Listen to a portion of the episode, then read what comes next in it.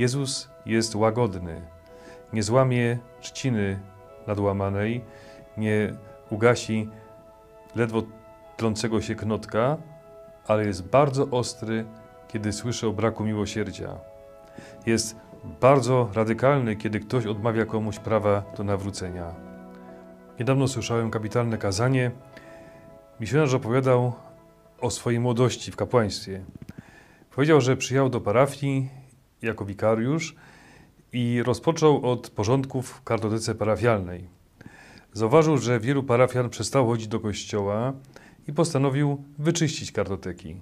Wziął kartoteki tych, którzy nie pojawiają się w kościele, którzy już zniknęli z pola widzenia duszpasterzy i zaczął czyścić kartotekę. W tym momencie odbiera telefon. Zostaje wezwany do chorej osoby i okazuje się, że ta osoba po 50 latach nieobecności w konfesjonale postanowiła się wyspowiadać.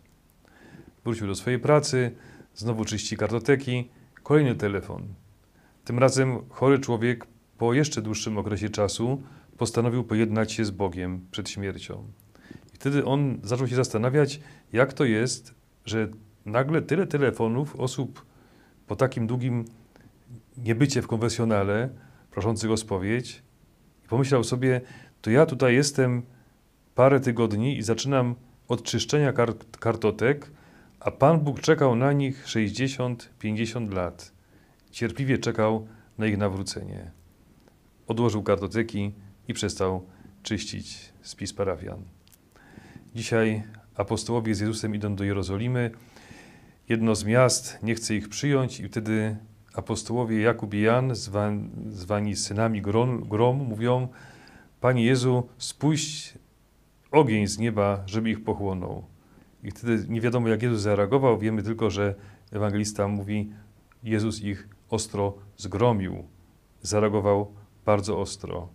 Jezus jest łagodny. Nie złamie trzciny nadłamanej, nie ugasi ledwo tlącego się knotka, ale jest bardzo ostry, kiedy słyszy o braku miłosierdzia. Jest bardzo radykalny, kiedy ktoś odmawia komuś prawa do nawrócenia. Moi kochani, w Paryżu przed wojną żyło małżeństwo państwa Lesser. Doktor Felix Lesser, wspaniały lekarz, profesjonalista w swojej dziedzinie, walczący zagorzały ateista. Swoją niechęć, a wręcz nienawiść do Kościoła wyrażał w artykułach naukowych, którym, w których walczył z wiarą. Przeciwieństwie do swojej żony Elżbiety w ogóle się nie modlił. W jego życiu nie było Kościoła, Pana Boga, praktyk religijnych. Elżbieta przez całe życie modli się o nawrócenie męża, ale jej modlitwa pozostaje niewysłuchana. Prowadzi dziennik duchowy. Błaga Pana Boga, by jej mąż się nawrócił. W pewnym momencie w życiu Elżbiety pojawia się choroba nowotworowa. Czyni postępy. Wszystkie cierpienia, bóle, dolegliwości ofiaruje w intencji nawrócenia męża. W pewnym momencie, w roku 1905, pisze w tym dzienniku: Jestem pewna, że moja modlitwa została wysłuchana. Mąż nie tylko się nawróci, ale będzie zakonnikiem. Niestety Elżbieta umiera, nie doczekawszy się nawrócenia męża. Nawet na jej pogrzebie nie przystąpił do Komunii Świętej, nie modlił się za nią. Nie mógł zabrać się do porządkowania rzeczy po żonie, bo mimo, że był niewierzący i różnic, różniła go wiara od żony, jednak bardzo ją kochał. Dopiero po miesiącu zabrał się za porządkowanie rzeczy, które po niej pozostały i wśród leków, pozostałych rzeczy przy jej nocnej szafce znalazł pamiętnik, dziennik duchowy. Zaczął go czytać, ale przerwał czytanie, zwłaszcza kiedy natrafił na strony zapisane w czasie jej choroby nowotworowej, gdzie pisze: Dziś mnie bardzo boli, ale nikomu się nie poskarżę, ofiaruję to w intencji nawrócenia męża. Przeczytał również takie słowa: Na zewnątrz jestem spokojna, niczego po sobie nie pokazuję, ale wewnątrz bardzo cierpię, ponieważ każdego dnia moja wiara jest wyśmiewana, wydrwiwana, atakowana przez mojego męża.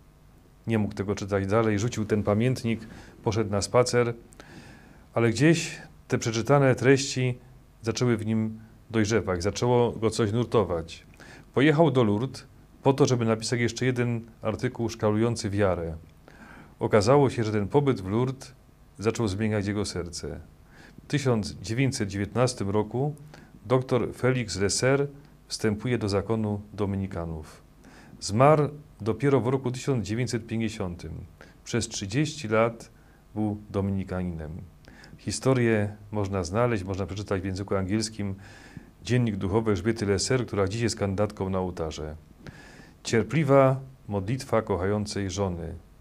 Moi kochani, jeśli mamy pokusę, by zrezygnować, by przestać ufać Panu Bogu, by poddać się i zwątpić, popatrzmy na to małżeństwo, posłuchajmy też słów Jezusa, który nie chce spuścić ognia, bo pierwszym zasłu- zasługującym na ten ogień jestem ja. Dzięki Bogu mam miłosiernego Zbawiciela.